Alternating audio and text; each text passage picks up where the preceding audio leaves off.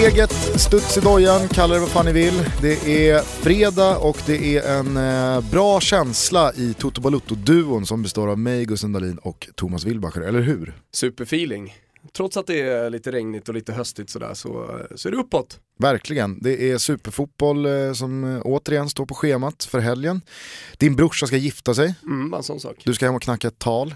Jajamän. Har folk högre krav på dig när det kommer till tal än den vanliga gästen? Jag är dessutom toastmaster så då, då tror jag att man förväntar sig att det ska komma ett eh, magiskt tal. Ta det inte personligt, eller så är det precis det du ska göra. Men Ah. fan vad jag aldrig hade gett toastmaster-facklan till dig.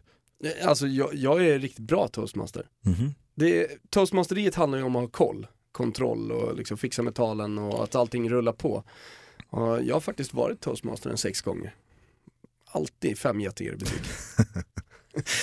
Annars då, eh, vi, har, eh, vi har ett skönt flow här nu i Toto. Ja, nästa vecka så gästas vi av Daniel Kristoffersson, Sveriges egna Gianluca Di Marzio, Silly-gurun Daniel Kristoffersson som eh, på tal om klipp i steget verkligen har haft flow på slutet eh, där han har avslöjat eh, den ena dealen efter den andra. Senaste var väl eh, konkreta uppgifter om Real Madrid ihopkopplat med Alexander Isak.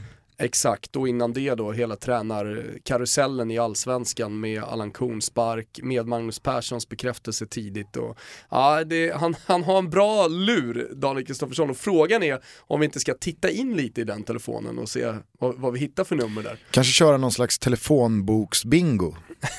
Faktiskt. Se vad det finns för eh, härliga kontakter Ja. i det där nätet.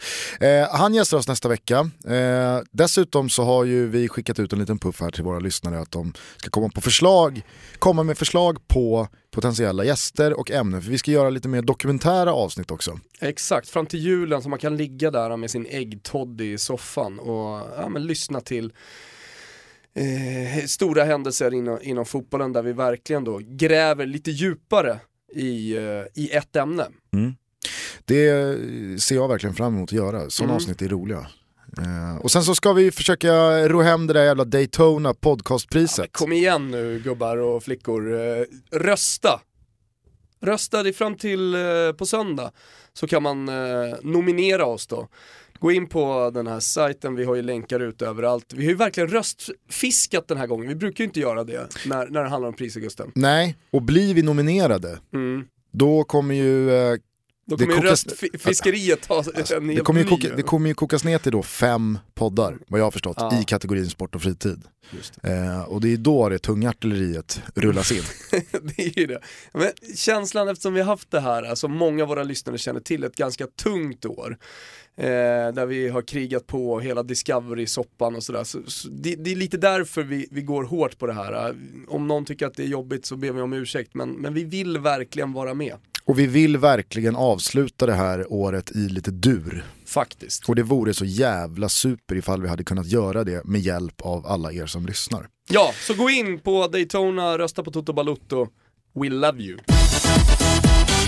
Det är fredag den 25 november. Som sig bör så inleder vi Toto Balutto avsnitten med att eh, hylla lite födelsedagsbarn. Till exempel, vet du vem som fyller år idag? Nej, jag har faktiskt ingen aning. En av eh, sommartransferfönstrets struligaste spelare, Nikola Maximovic. Ska du kort recapa bara vad som hände där med honom? Ja, Maximovic spelade med Pontus Jansson i Torino och eh, uppvaktades av många klubbar, inte minst då eh, Napoli. Så kom han ju från en lång skada eh, och sen så till slut då sommaren, eh, han eh, verkade bli kvar i Torino för Mihailovic ville sätta honom eh, centralt eh, i projektet, ett ganska ambitiöst Torino-projekt mot toppen i Serie A. Eh, och då var Maximovic liksom en av de viktigaste pjäserna. Mihailovic som är ny tränare går ut och säger om sin serbpolare att, eh, ja men verkligen fina lovord och, och sådär. Maximovic svarar med att eh, inte dyka upp på Retirot, alltså träningslägret uppe i bergen. Och det här får ju Mihailovic att bli galen. Fullständigt vansinnig. Jag kommer inte ihåg exakta orden, ni får hjälpa här eh, på hashtag totobalotto, eh, vad det var han sa, men, men eh, det, ska bli, det ska bli ett, ett intressant möte när Maximovic ställs mot eh, Mihailovic. Det kommer ju inte vara orden som eh, Sarri använde om Iguain då inför Juventus-Napoli. Jag kommer hälsa på Gonzalo som en pappa vars son har gjort mig lite arg. Mihailovic, jag vet inte vilken typ av pappa, han kanske agar sina barn, men, men där handlar det ju snarare om en fet lavett. Man vet ju att, man vet ju att eh, Mihailovic lägger ju inga fingrar emellan där. Nej, Mihailovic har ju, alltså, han har ju minst en hitman i sin telefonbok. Minst. Maximovic fyller i alla fall 25, tycker jag vi, vi säger eh, grattis till. Eh, Jay Spearing, har du, Wow. en, har du en eh, connection till denna väldigt eh, oprofilerade engelska mittfältare? Nej, Jag har en sak som jag ska säga om Jay Spearing, jag är inte stolt över vad jag kommer säga här nu. För jag brukar vara fyndigare än så här. Jag brukar ha, även fast jag kan skoja till det ibland, så finns det ju en, en underton av briljans i att jag har tänkt till här. Men med Jay Spearing så finns det ingenting annat än att jag tycker att det är kul att han ser ut som en liten prutt. Alltså, om du tänker ifall en prutt hade varit en fotbollsspelare. Jag, jag vet hur pajigt det här låter och jag skäms lite över att jag är nere på den här ja, men sandlådenivån. ut då. Men eh, ser man en bild på Jay Spearing så förstår ni vad Det är jag en menar. prutt personifierad. Ja, han ser ut som en fotbollsspelande prutt. jag tänkte mest på Domenico Crescito där, men ja. Eh, Craig Gardner och eh, Aron Mokoena kan få sig ett grattis också, men det sista eh, Aguri riktar vi till Mikael Killer slash mördaren Svensson. Ah, Han fyller 41 bast idag. är det inte så att han driver eh, sportreseföretag nu för tiden? Eh, det kanske vi då skickar ut en eh, liten hälsning till Micke. Vi finns här om du vill sponsra oss. Det gör vi absolut. Det är ju match made in heaven ju. Om det nu skulle vara så att du driver ett sportreseföretag.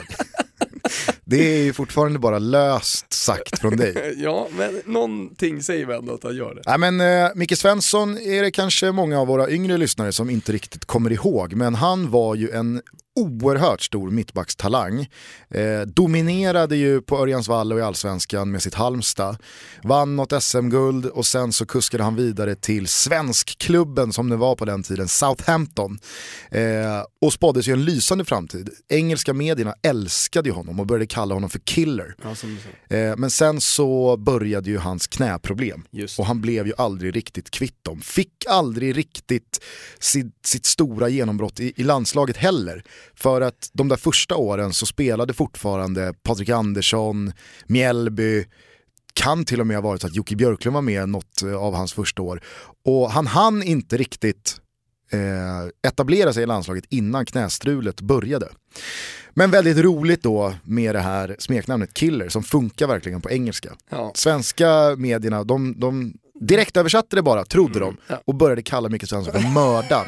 som han då tyckte var jättejobbigt. Och jag vet att jag har pratat om det här, jag tror säkert att några som lyssnar på Toto Balutto en gång i tiden lyssnade på min och Elena Lövholms före detta podcast om Jag svensk tror fotboll. väldigt få. Ja, men kanske några. Där pratade jag i alla fall om det här, för jag tycker det är så jävla roligt det här. När Hade ni Micke lyssnare Svensson, ens på den podden? vi hade några, eh, när då Micke Svensson vädjar till de svenska medierna, sluta kalla mig mördaren. För att mördaren och killer är inte samma sak. Emil Svensson skriver här på Twitter, betyder det Mikael Svensson-snack i födelsedagssegmentet då? Ja men det har vi gjort. Känns som en anonymitet i klass med eh, Jesus Navas. Det är ju mördaren emot.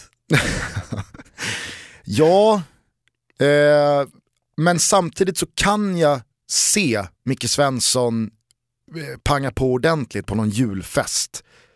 Back in the days. Ja, Går inte att kanske. göra med Jesus Navas. Nej det går faktiskt inte. Han vill ju bara hem till mamma. Det var ju väldigt på roligt. Eh, ja, men det, det vart ju, det vart ju eh, kul att så många engagerade sig i amningsgate i förra veckans avsnitt, eller det senaste avsnittet. Eh, och vi, vi, verkar ju ha varit rätt ute i alla fall med innebandylandslaget. Innebandyns gulo gulo. Ja, vi fick ju en demografisk genomgång över hur det ser ut där. Och det är ju mer spelare där som är födda på andra halvan av året. Mm. Men eh, vi kan fylla på den där undersökningen lite bättre tycker jag i den rena amningen. Eh, oklart hur det var. Vill du säga något? Nej men vi har ju en eh, Champions League-vecka att avhandla. Det har hänt mycket inom den svenska fotbollen som vi var inne på också, så låt oss eh, kicka igång det här. Ja, och det gör vi väl allra bäst med ett svep. Turen har kommit till eh, svepets fader, 5 plus toastmastern, Thomas Wilbacher. Take it away. PSG, Arsenal, Barcelona, Manchester City, Atletico Madrid, Bayern München, Monaco, Leverkusarna, Borussia Dortmund, Real Madrid, Juve, Leicester är alla klara för Champions Leagues åttondelsfinaler. Visst kan man rapportera om eh, Vigges sämsta insats i Benfica-tröjan och Cavanis målsumpande, men nej! När jag blickar tillbaka, inte bara på den här veckans Champions League-spel, men hela hösten, så hittar jag väldigt få skrällar och det är väl knappast varit tydligare tidigare att det är pengarna som styr fotbollen och självklart kan vi inte fortsätta så här. Hur trist man än kan tycka att det är med polariseringen av den europeiska fotbollen så är det bara att tugga i sig faktumet att elitligan snart är där där. Och jag längtar faktiskt till den dagen, för om det är något som präglar min Champions League-röst så är det trots att jag suttit bänkad med multiskärmar, ointresset men när vi ändå kollar framåt eh, så ser jag mest av allt eh, fram emot eh, vad som händer bakom den här elitligan och det tycker jag att vi ska snacka lite om. För klart är att Europa League i den här formen måste skrotas. Vad händer med alla klubbar som vinner sina ligor i de mindre länderna? Du menar Champions League? Nej, nu pratar jag om, eh, och det är det jag vill komma in på efter det här lite, lite annorlunda svepet. Alltså, elitligan är ju mer eller mindre... Får jag bara fråga, var ja. det där svepet? Ja, det var svepet. Alltså, det var ju det minst svepiga svepet någonsin. Jo jag vet, men det, det, det, är ju för att jag väldigt tydligt här vill markera mot, eh, mot Champions League och eh, jag, jag märker det, jag vet att du och jag har pratat om det, men jag märker det på, på alla, jag märker det på sportrelationen på Expressen. Eh, att eh, det, det, finns inte ett speciellt stort intresse så som det har varit för Champions League. Eh, där, där man liksom verkligen satt som på nålar och längtade till de här tisdagarna och onsdagarna. Man vet ju vad som händer, ni hörde ju lagen som jag räknade upp. Det är liksom, det är 12 lag klara redan för åttondelsfinalerna med en omgång kvar. Och bakom då, de som inte är klara, men det blir inga skrällar. Visst, det blev en svagt lottad grupp där FCK hade chansen och så vidare. Men, men det är de stora drakarna, vilket gör då att den viktigaste ingrediensen i fotbollen, det vill säga nerven, det sportsliga, den har ju försvunnit och då spelar det ingen roll hur stora stjärnor och hur stora lagen är och hur stora arenorna är. För, för har man ingen nerv, har man ingenting att spela för, för det, det är ju nästan så i Champions League gruppspel nu för tiden. Det är balt för de här lite mindre nationerna eller vad säger mindre lagen att möta de stora samtidigt som de för stora är liksom att ja, men vi städar av det här gruppspelet och sen så eh, blickar vi framåt mot åttondelsfinalen. Finalerna. Det, och jag förstår verkligen som jag säger i svepet här, så jag, jag, jag förstår att man måste göra någonting. Och självklart kommer det här då liksom gå i hamn såklart med elitligan. Eh, eh, det, det ska väl röstas här eh, och det ska väl beslutas först, men, men, men det måste ju gå ditåt.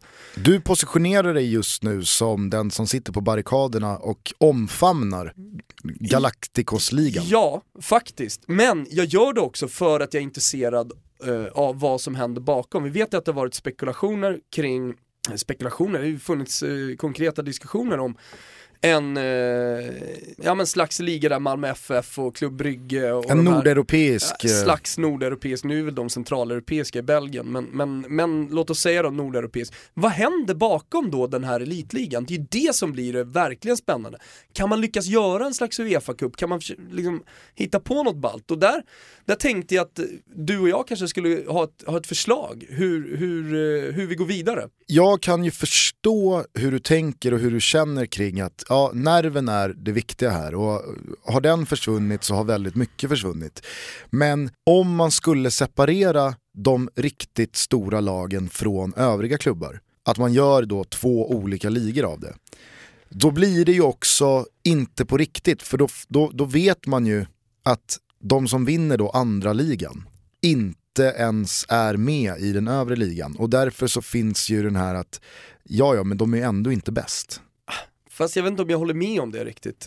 Nu har det ju varit snack väldigt länge om, om att göra det. är till och med... Men det blir som, så här, det, det finns ju inget sorgligare än B-slutspelet i Gotia Cup. Alltså att, att, att spela och vinna B-slutspelet i Gotia Cup är kanske den, den, den depp deppigaste merit du kan ha nej, på nej, vet du vad den deppigaste meritlistan? merit det, det är att vinna B-hockey-VM. Att inte få vara med i A-VM, utan att vinna B-VM. Det finns ett Finns det sånt. ett BV? Ja. Nej. Jo, jo, jo, jo.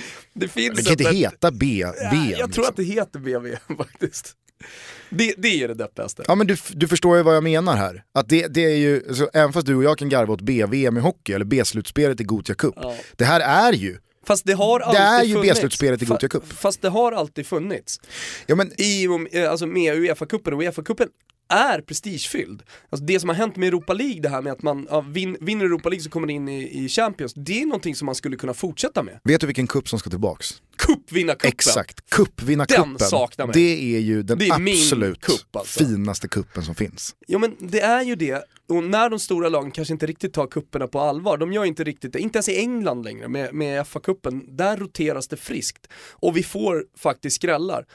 Ehm, men även men även många andra inhemska kupper så, så, så är det i alla fall i förhållande hyfsat eh, skrälltätt. Eh, så cupvinnarcupen, absolut, in med den. Det är mitt första förslag. Andra förslaget, det är att återinföra, på tal om att återinföra, att återinföra en slags Uefa-cup. Mycket mindre, för Europa League som det är nu, både du och jag har ju verkligen älskat eh, ja, men det här upplägget under tiden vi jobbade med det. Och eh, när jag var på TV4 så, så började man gilla de här lite mindre lagen, men det, det blir faktiskt lite för mycket. Det går inte att hänga med i alla svängar. Ta då mästarlagen från de mindre länderna, det är mitt förslag. Och eh, skapa då den här, eh, låt oss säga, du kallar det för B-ligan, men, men en, en slags ny Uefa-cup. Men det är ändå mästarlag som är med i den. Vet du vad det sorgligaste med B-slutspelet i Gothia Cup är? Nej. Det är att finalen inte spelas på Ullevi utan på Heden. De kan inte ens bjuda på att finalen liras på den stora arenan utan det här är ändå B-slutspelet. Ni får fan nöja Har du er med spelat Heden. Gothia Cup? Ja, det har jag gjort. Hur eh, gick det för dig då? Eh, ja, men, eh, vi eh, tog oss till B-slutspel. ja, men det, det, det var så ot- otroligt minne, som jag, jag har inte tänkt på det på flera år. Men eh, på tåget ner till Göteborg eh, så höll vi på som 16-17-åriga grabbar gör, man höll på att klunsa om massa saker. Och eh, den här dagen så låg solen på något in i helvete i våran eh, liksom, tågkupé. Så då klunsade vi om, för det fanns ju då på någon hylla ovanför sittplatserna en jävla massa flisfiltar. Mhm. Så då var vi tio grabbar där som klunsade, Svag anekdot så här långt. tio grabbar som klunsade om vem måste sitta invirad i alla flisfiltar på solplats här vid fönstret hela tågresan. En kille som heter Per torskar, så vi virar in honom i alltså 10-12 flisfiltar och han sitter och svettas som en jävla gris i fem timmar i liksom konstant tryck i solen. Vi kommer ner, det här är söndagen, på måndagen spelar vi vår första match. Per försover sig till frukosten. Han är liksom... Han, Så då virar han, ni in när du filtar igen? Nej men han, han vaknar inte på morgonen när vi går upp, utan han försover sig, får någon utskällning av tränaren. Men så här, fan Per är hängig alltså. Han är riktigt hängig. Och så kommer vi till första gruppspelsmatchen, Var han viktig i laget? nej, nej, Nej. nej, nej spelare 13 liksom. Men så hade vi då en trupp som var en spelare för mycket från vad du, hade, vad du fick ha anmält. Så det skulle alltid vara en på läktaren, eller om då någon var skadad eller avstängd. Så då straffar ju, då straffar ju tränarna Per och säger att men på grund av försovningen då så får du stå utanför truppen den här matchen. Och Per typ nästan bara rycker på axlarna, "Ja, det, det är helt okej för att jag mår inte bra alltså. Och eh, så spelar vi matchen och Per sjunker ju ihop under matchen vid ett träd. Eh, för att han har gått och lagt sig i skuggan. Så när matchen är slut så är det någon som upptäcker att Per är helt väck här nu. Han, han, han är medvetslös. Så att eh, det får ju komma alltså en helikopter. En ambulanshelikopter plockar ju Per, för de får inte liv i honom. Helikopter till Salgrenska. Eh, och han låg inne sen i två månader för hjärnhinneinflammation. han, han hade liksom, han, ha- vi hade stekt honom på tåget. Så att eh, han, han, han kom aldrig tillbaka efter det.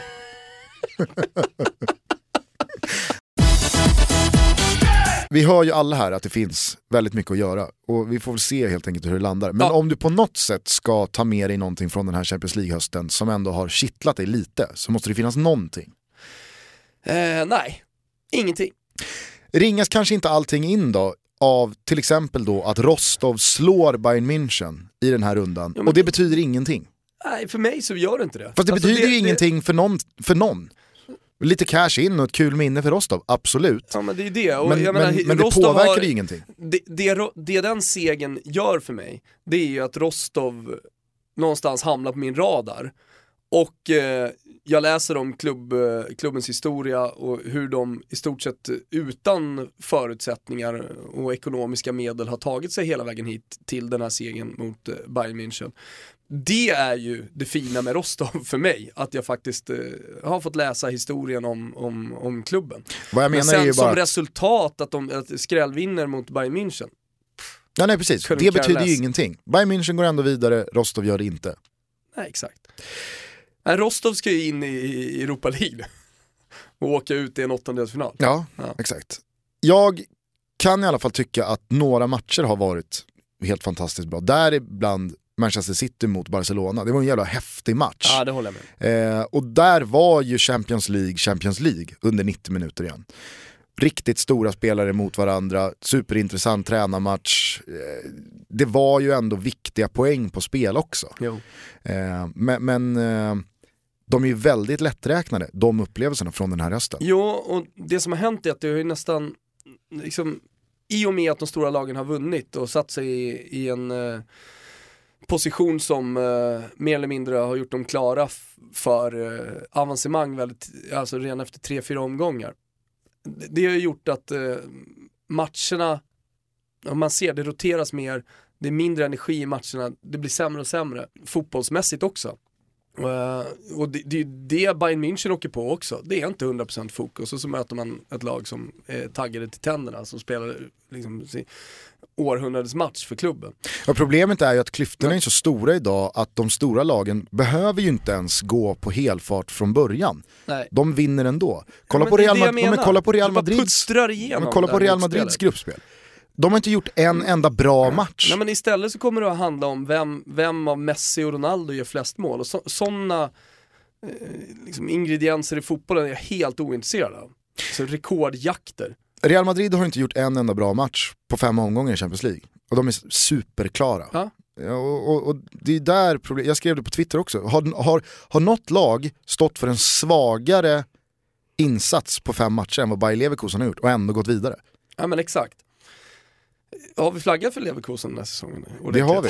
Det har vi. Det går sådär för uh, Tony, Kumla-Tony var ju med oss här, för ni som inte har lyssnat på det avsnittet kan ju helt enkelt ratta in då Kumla-Tony, Sveriges främsta tysk expert vad det gäller fotboll. Eh, han gästade oss tidigt i, i Toto Balotto, men då, då målade han ju upp uh, Leverkusen som eh, Den stora utmanaren. den stora utmanaren. Nu har ju det blivit Leipzig istället. Ja. Och han var ju väldigt... eh, Leipzig kommer inte få eh, haka på i den här elitligan, till exempel. Nej men de kommer ju till slut ta sig in. Tycker att det är värt att påminna igen då om att på torsdag så gästas vi av Daniel Disco Kristoffersson. Och med tanke på vad han har dragit fram de senaste veckorna och eh, dagarna så är, så är det ju kul att prata om eh, spelet bakom allting som har hänt den senaste tiden med honom i det avsnittet. Därför så känns det, det, känns roligare att skjuta på Magnus Persson och Kon-snacket och, och Henke-snacket. Vad händer i Helsingborg? Och, Och det är ganska tidlöst just nu också kan jag tycka.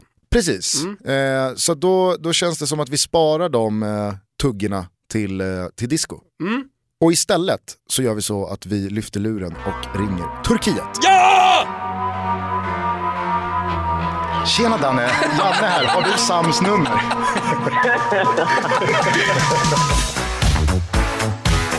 Daniel Larsson dunkar in 2-0.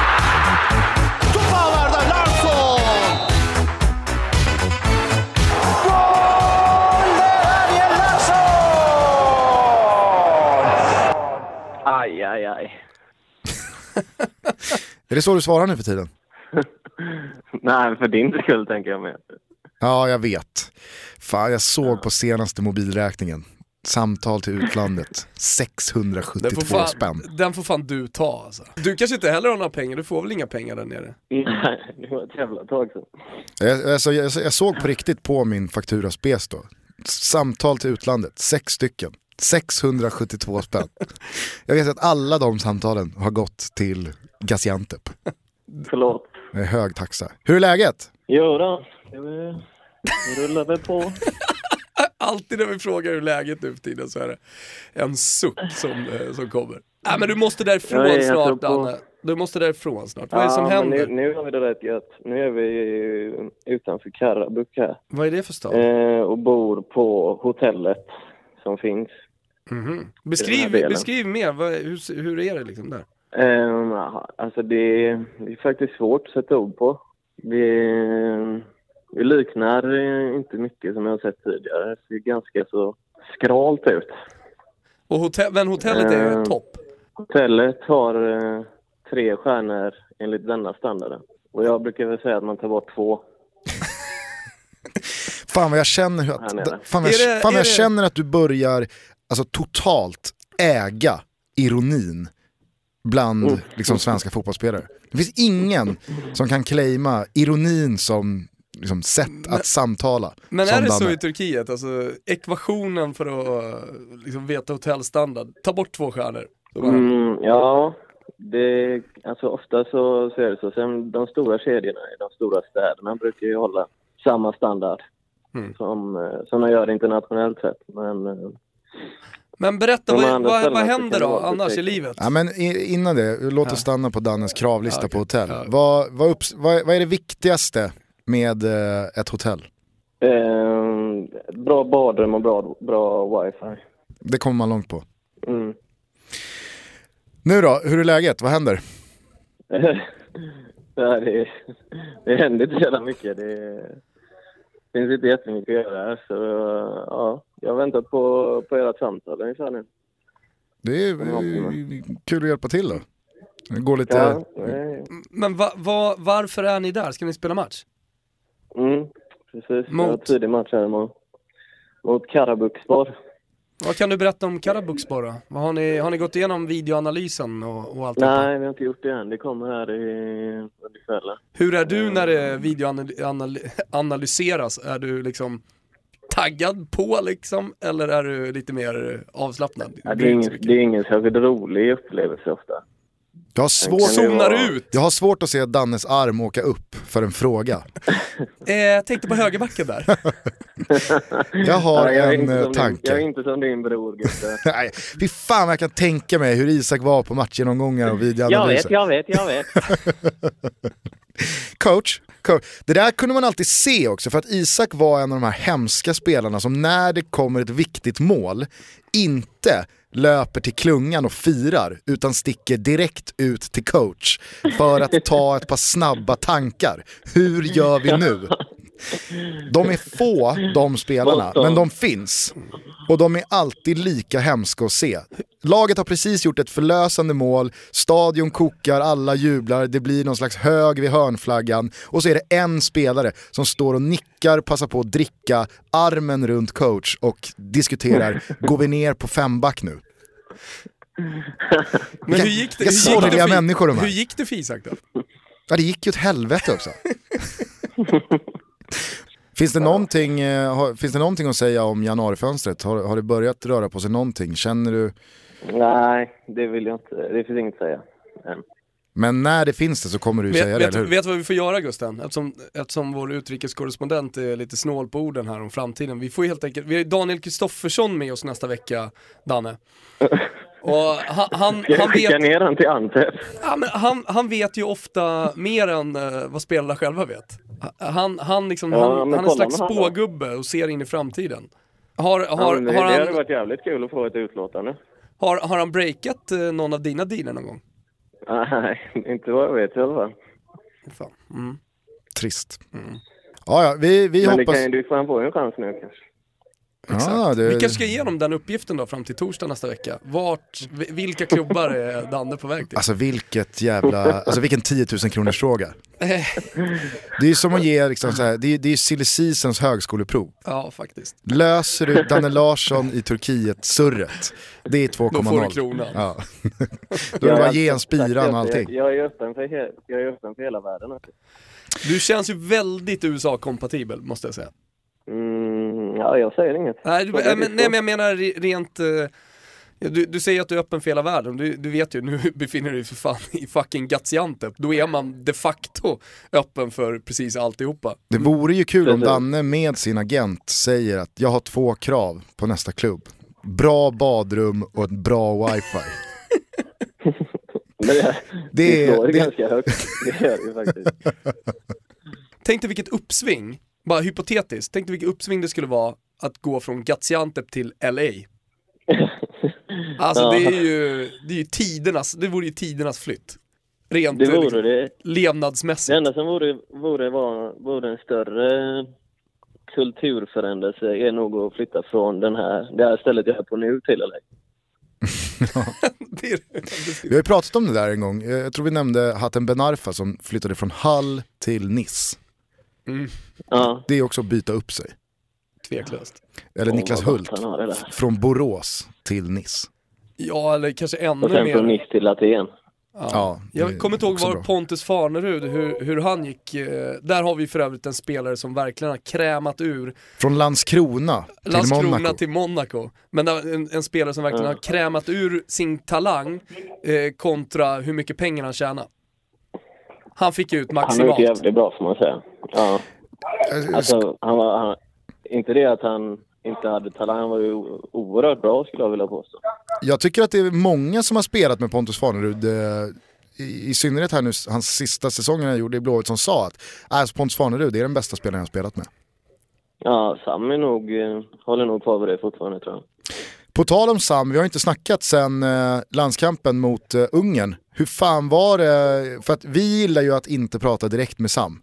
Vi vill ju bara gå via våran Sam kommer ju aldrig vara med i. Toto Balutto. Exakt. Va, va, om, om, om, om, skönt att ni har min rygg där ändå grabbar. Om, om vi därför fokuserar på, vad kände du när Sam gjorde mål? Eh, jag kände att nu får jag inte bli för glad för då väcker jag barnen. Men du blev eh, otroligt glad. Eller var du restriktiv? Ja, det blev jag. Jag studsade upp i soffan faktiskt. Men är det inte lite synd att det är deflection ändå? Att det är ett orent mål?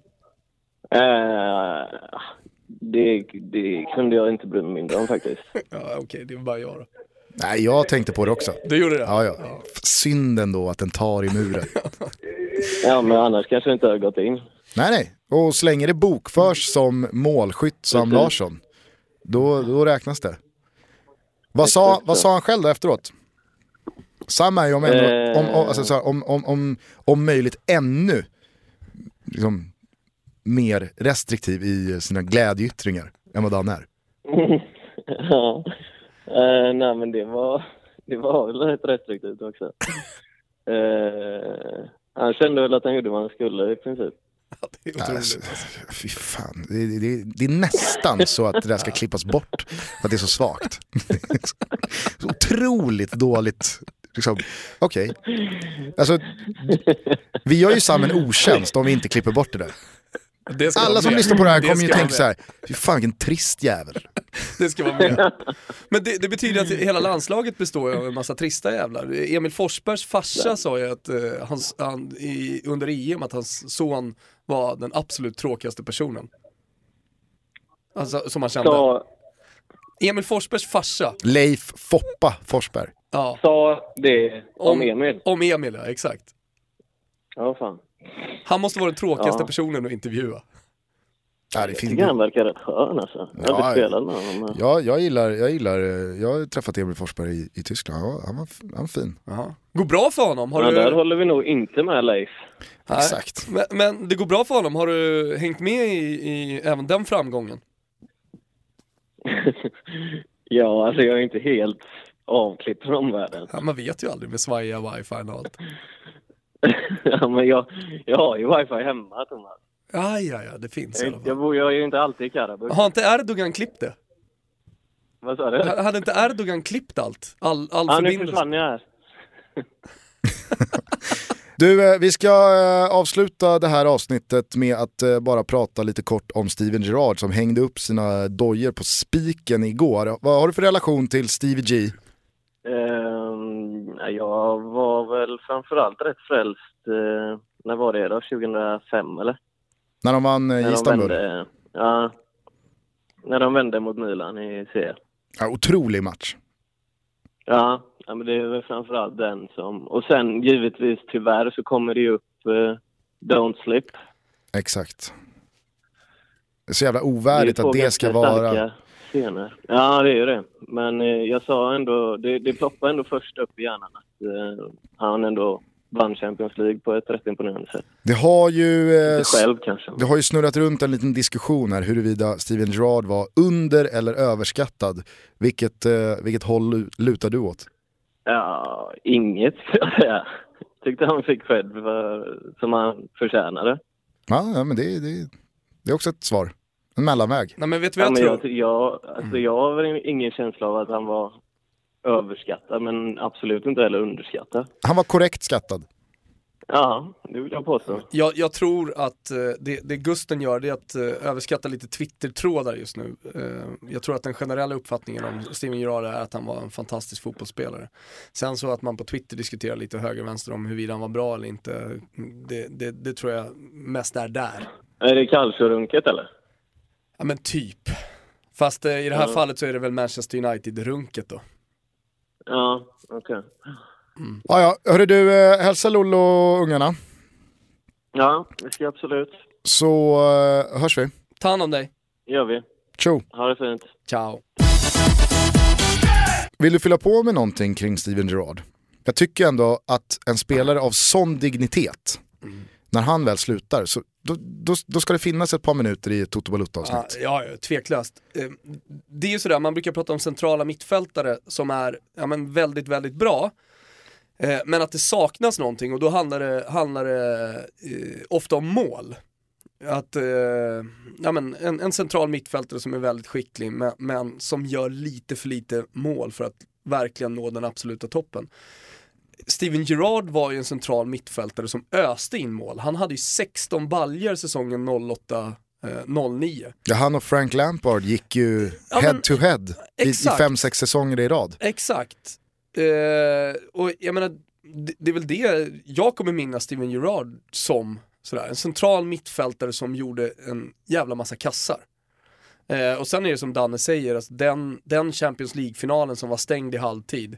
Och man, man tyckte nästan lite synd om, om Liverpool som skulle gå ut där i den andra halvleken. Alltså det omklädningsrumssurret, det slår ju Braveheart alla dagar i veckan. Ska vi lyssna lite på hur matchreferatet lät Ja. från eh, den där upphämtningen och sedermera vändningen i Istanbul 2005. Milan mot Liverpool. Once upon a time, there was always an English team in the European Cup final. But Liverpool are facing some very talented players tonight, Andy. Free kick which Andrea Pirlo will take. And it's volleyed, and it's in! A goal in 50 seconds for Milan. And would you believe it? Paolo Maldini, the skipper, has scored it. Here's Kaka. Lifted into Shevchenko. He's onside this time. He's got Crespo in support. Here's Hernan Crespo, 2 0. Hernan Crespo, who scored home and away against Manchester United earlier in the competition, has now scored the second in the final against Liverpool. Look at that from Kaka. And what a pass, too, for Crespo. And what a goal that is. Oh. What a goal that is. Hernan Crespo again from a sublime pass by Kaka. And Milan now playing football out of this world. Nobody can live with this. Reset. Charged down by Cafu. In towards Gerrard! Hello! Hello! Here we go! Steven Gerrard grain of doubt in the back of Milan. Xabi Alonso. Harman. Hit by Smitsa. It's in! It's in! Vladimir Smitsa! Two goals in two minutes for Liverpool.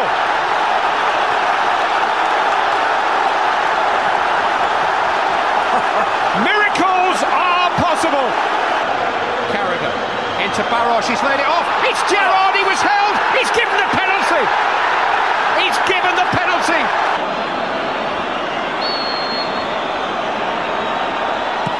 Oh, saved by Dina Xabi Alonso. Possible is accomplished. Liverpool were 3-0 down five minutes ago. To the lottery of the shootout. Serginho with a oh. great cross. Thomason. Oh. oh, what a save! What a save, what a save from Shevchenko by Jerzy Dudek. How on earth did he deny him? Not once, but twice. Serginho with the first penalty from Milan. Oh, oh! Harman to give Liverpool the advantage. Oh, that'll do. That got a heroic save in him. It's Pirlo. Oh. He's done it! Gibril Cisse.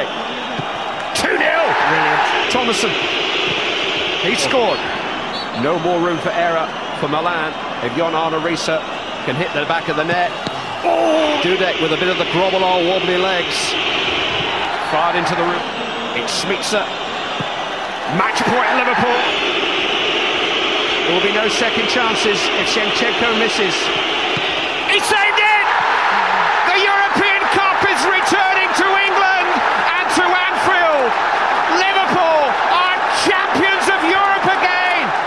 Ja, alltså det är ju den häftigaste matchen man har upplevt. Ja, och Även med- fast jag såg den på tv. Ja men i och med matchens dignitet också så, såklart så är det ju faktiskt det, det, det värsta man har upplevt, helt klart. Sen finns det sjuka matcher Ja. med massa mål eller eh, Sveriges upphämtning från 4-0 till 4-4 mot Tyskland. sättet Steven Gerrard liksom går ut i den där andra halvleken och slaktar ett fantastiskt Milan ska man komma ihåg också. Mm. Det, är, det är på en så jävla nivå som man nästan, när man hör det här referaten man är nästan tårögd. Det, det är sådana rysningar. Och det går än idag, alltså över 11 år senare, fortfarande inte att förstå hur Jerzy Dudek räddar Shevchenkos skott från en meter i förlängningen. Nej det finns inte. Det, det, alltså, det, även fast han får upp handen Ja. så ska han inte kunna vara så stark i den handleden Nej. så att bollen går över. Och det ser man ju om man ser de här klippen och ser de här bilderna. Ja. Shevchenko fattar ju inte. Va, vad hände idag. här precis? Nej, Hur blev det inte mål här? För det var ju ingen, det var ju ingen grotesk miss av Shevche- Shevchenko. Han gör ju bara allt han kan göra och ska göra. Och ändå blir det inte mål. Det enda som hade kunnat slagit där, det var att det var typ så här, Steven Gerrards sista match i karriären. Mm. Och så avslutar han på det sättet, men ingen fotbollsspelare kan ju, kan ju avsluta karriären när man står så på topp. Det, det, det finns ju liksom inte. Nej, jag börjar undra här nu om det är någon Ah, nu som går har... tankeverksamheten. Zidane avslutade ju faktiskt med, alltså hans sista match var en VM-final. Sen var det ju väldigt synd att det slutade som det gjorde för hans skull. Eh, I synnerhet om skallen då på Materazzi. Ja, men det är väl klart att det hade varit fetare om han hade vunnit. Men nu vart det ju ett jävla eftertryck ändå. Jag menar bara att han stod ju faktiskt på topp och visade ju att jag är en av världens absolut bästa fotbollsspelare. Och det kan ingen ifrågasätta. Och ändå väljer jag att lägga av här nu. Eh, kanske det närmsta man kommer att lägga av på topp. Alltså Materazzi, det är ju den största dåren under 2000-talet. Där kan vi ju prata om att Alltså, inte inte dåre. sluta på topp. Hans sista gig var alltså spelande, inte kan invän- eh, använda riktigt. hans sista gig var ju alltså spelande tränare i Indian Super League. Ja, men alla som hamnade i det här Indian Super League, förutom då spelare som verkligen hade, ja men där pengarna gjorde skillnad. För jag menar för MOT och Materazzi och alla de här, så, så, även om det var liksom mycket, mycket cash så gjorde det ingen skillnad i deras liv. Indian Super League var, ju- var ju kul för alla, det var några svenskar som hamnade där som ja, men fick sig ett extra tillskott i kassan. Jag vill minnas att det var någon snubbe som hette typ Fredrik Tillman från Varbergs Boys. Ja men du ser, Bojan var ju där, jag tror inte att det gjorde jättestor skillnad för Bojan. Eh, du får väl fråga honom när han, när han kommer till Toto Balutto, för han ska hit vad det lider. Men, eh, men eh, eh, de här Materazzi och Moto som jag sa. Fredrik här- Ljungberg. Fredrik Ljungberg. Pires. hade- Varför gjorde de ens det? Ja, ja, det är väl pengarna, men, men jag menar, var det verkligen så mycket pengar? Så att, så att det var värt det? Jag vet inte. Kanske i och för sig, å andra sidan en rolig erfarenhet att komma till Indien. Del Piero var där. Vi dra Anelka. ner till Goa och dra lite syra och roliga svampar, det är såklart, det, det är kul.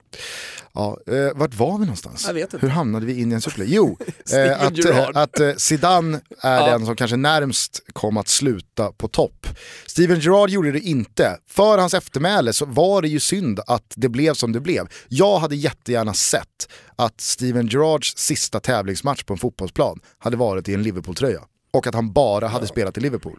Det, det finns ju någonting ju- orent i Med- att det var två säsonger i LA Galaxy. Kan man, kan, kan man absolut tycka, men, men eh, samtidigt så, vi får ju färre och färre Totti-historier i och med att eh, fönstret har öppnats, inte bara till USA, för alla utan även i öst eh, och söderut också med, eh, eh, ja inte bara Indien men, men eh, arabländerna. Kräma ur liksom det, det, det sista. Det skulle ju då vara en, en spelare av typ Zlatans kaliber som, som eh, skiter i det, som har tjänat så mycket pengar.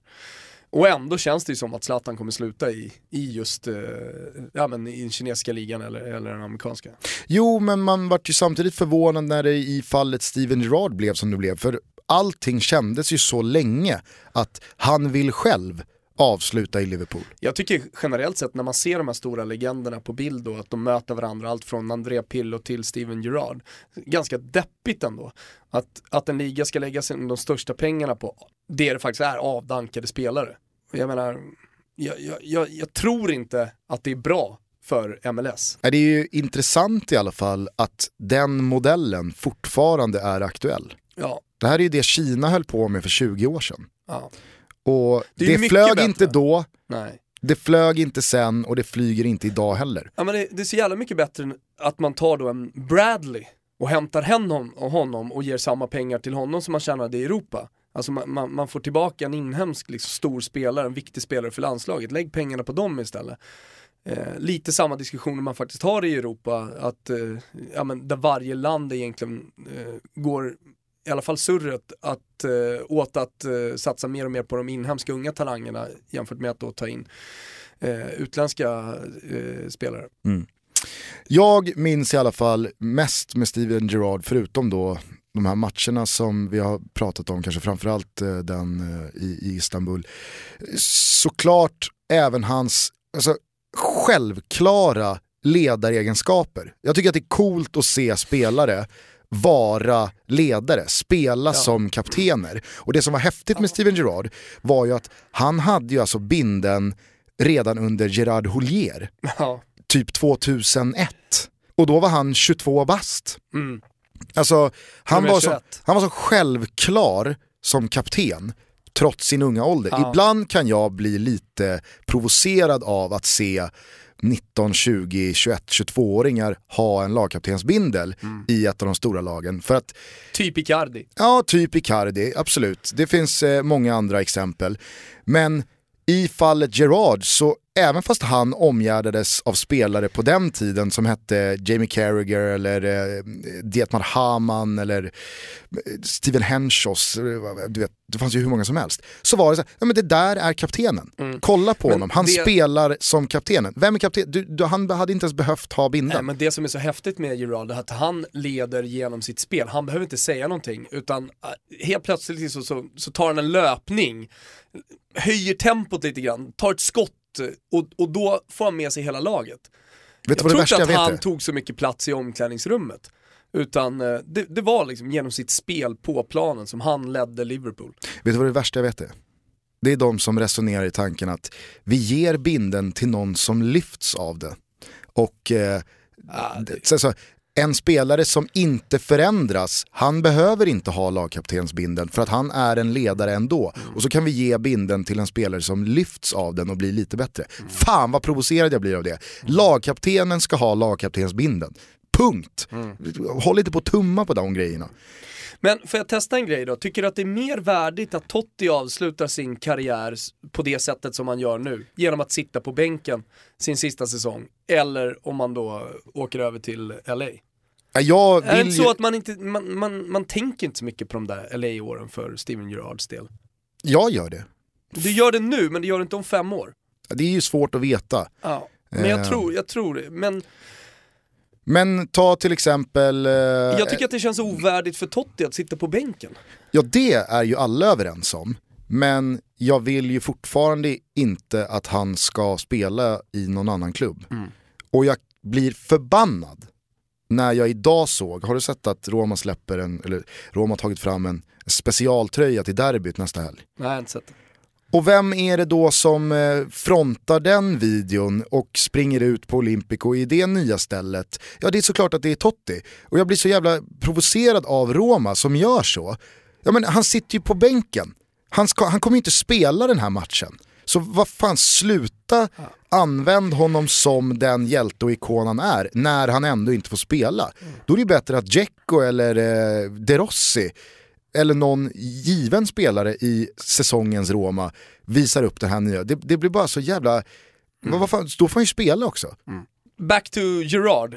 Avslutningsvis vill jag bara säga att det är otroligt deppigt eh, personligen när han slutar. Han är ju ett år yngre än mig. Så Det är ju liksom den ultimata ålderskrisen när man ser att spelare som är lika gamla, och till och med yngre nu, droppar av och slutar på grund av ålder, inte på grund av skador.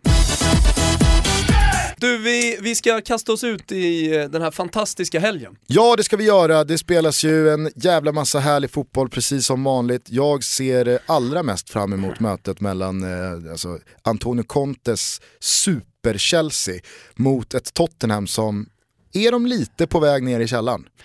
Det är i alla fall känslan just nu. Eh, jag håller med dig, den matchen ser man jättemycket fram emot. Eh, vet du vad jag också ser fram emot? Sociedad Barcelona Nej, har ju de senaste åren blivit en supermatch. ja men det har blivit det i och med att Sociedad är så starka hemma. De är en riktig eh, storlagsdödare där i San Sebastian. Nej men jag ser fram emot att läsa Un Altro Giro. Det är ju så att eh, årets julklapp är här. Och då undrar ni, vad är det här för någonting? Jo, det är ju en kokbok, en bildbok, en berättelsebok och det handlar om den italienska södern, det handlar om råvaror där nerifrån. Christian Borell har skrivit eh, små sköna eh, berättelser då om eh, råvaror, de har valt ut ett gäng. Och sen så har då en känd kock, eh, allt från eh, Catenacci till eh, ja, men Punk Royals gubbar, avslutat eh, varje råvara med ett skönt recept. Eh, och årets julklapp, ja men då fattar ni ju vad det handlar om. Den här boken finns nu till ett fåtal eh, för beställning. Eh, hur gör man då undrar ni? Jo, man mejlar helt enkelt eh, till eh, unaltrogiro, unaltrogiro, at telegramstudios.com, unaltrogiro, at telegramstudios.com. Eh, och så anger man eh, sitt namn och eh, sin adress och hur många böcker man vill ha. Så får man då den här boken till sig.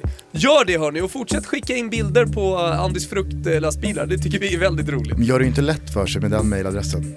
Nej, verkligen inte.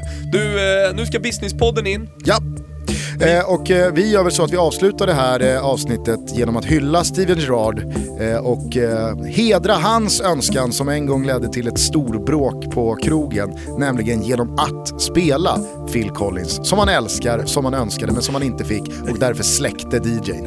Eh, trevlig helg på er, Ciao tutti. ciao!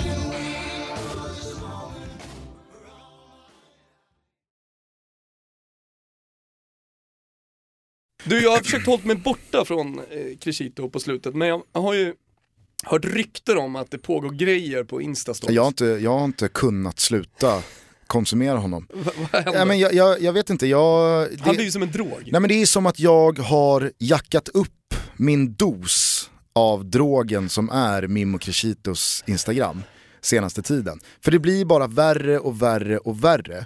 Eh, jag tänkte att jag skulle bara spela upp hur det då kan låta på hans Instagram stories. Eh, det var ett eh, starkt ögonblick där.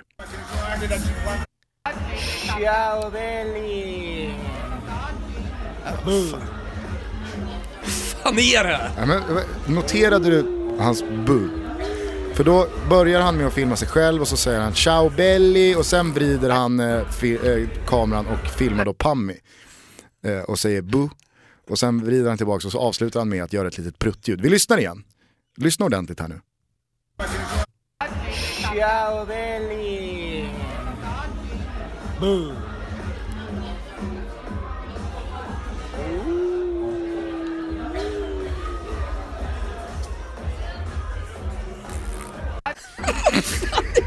Varför gör han det? Jag vet inte. Det är, det är den nivån det är på. Alltså han sitter på någon karaoke-restaurang, har liksom, han har ju inte en tanke på vad ska jag göra nu när jag trycker på rec, eller när jag trycker på knappen. Utan det bara händer och det enda han får ut är Ciao belli, bu. Alltså det är så jävla dåligt. Ja, han är helt otroligt, Men så- vänta, han är världens sämsta han- instagrammare by far. Ja, ja, men han är ju så extremt karaoke-kompatibel också. Ja, men han, det, han gör Han ju tycker- ingenting annat än att vara på karaoke-ställen. Och det är så här, Han tycker det är så häftigt. och det är inte att vara på krogen, att, utan det är ju så här Nej, men jag restauranger. Ser, ja, jag ser. Det, är, det är någon slags Wallmans-salonger, för Pami har också någon slags... Ja, där servitörerna och Ja, men det är servitriserna ju som uppträder. Ja. Wallmans-salonger. Jag kan ju inte tänka mig något tråkigare än... Eh, alltså, kolla, har du sett Pamis? Ja, ja, ja, jag, jag kan inte sluta. Jag kan inte sluta. Jag mår dåligt över det. Men vet du Och vad så som... är det, så, det är så deppigt för det, det är liksom tre pers där. vet Det som... är, det är helt tomt Ja, i ja, lokalen. ja. Men vet du vad som gjorde mig väldigt glad? Nej. Det var när jag såg eh, Zenit Sankt Vänta, är Petersburg. Crescito uppe? Va? Nej, det, kan, jag såg, det kan ha varit att Crescito gick upp på scen. Det kan ha varit. Nej, det är inte, det är inte Mimmo som är uppe på scen. Men vet du vad som gjorde mig väldigt glad? Nej. Det var när jag såg Zenit Sankt Petersburg göra den här Mannequin Challenge. Du vet när du filmar och alla är frusna. Nej, jag såg den också Ja. faktiskt. Att då har ju då Witzell och gubbarna, de verkar ju vara inne på vårt spår. För de har ju nämligen printat ut en bild på Mimmo och satt såna här Snapchat eh, öron på honom på bilden och tejpat fast den bilden på boxningssandsäcken. Var det Crescito de hade satt upp? Ja, alltså de har ju fattat det. Ja, jag fattade inte att det Och var han, ja, men, den finns på hans Instagram. De, de driver ju med honom, men om du tittar på den bilden som Crescito har lagt upp på det här på Instagram, så ser du på Crescito att han fattar ju inte någonting av vad det är som händer. Han tror att alla garvar med honom. Alla garvar. Men de har ju, alltså du ser ju att de har satt hundöron och en nos på honom.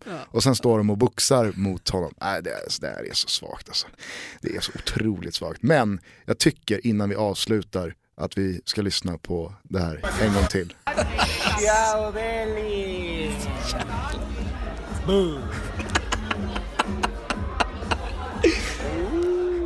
Vänta in den, vänta in den, nu kommer den. Nu kommer den.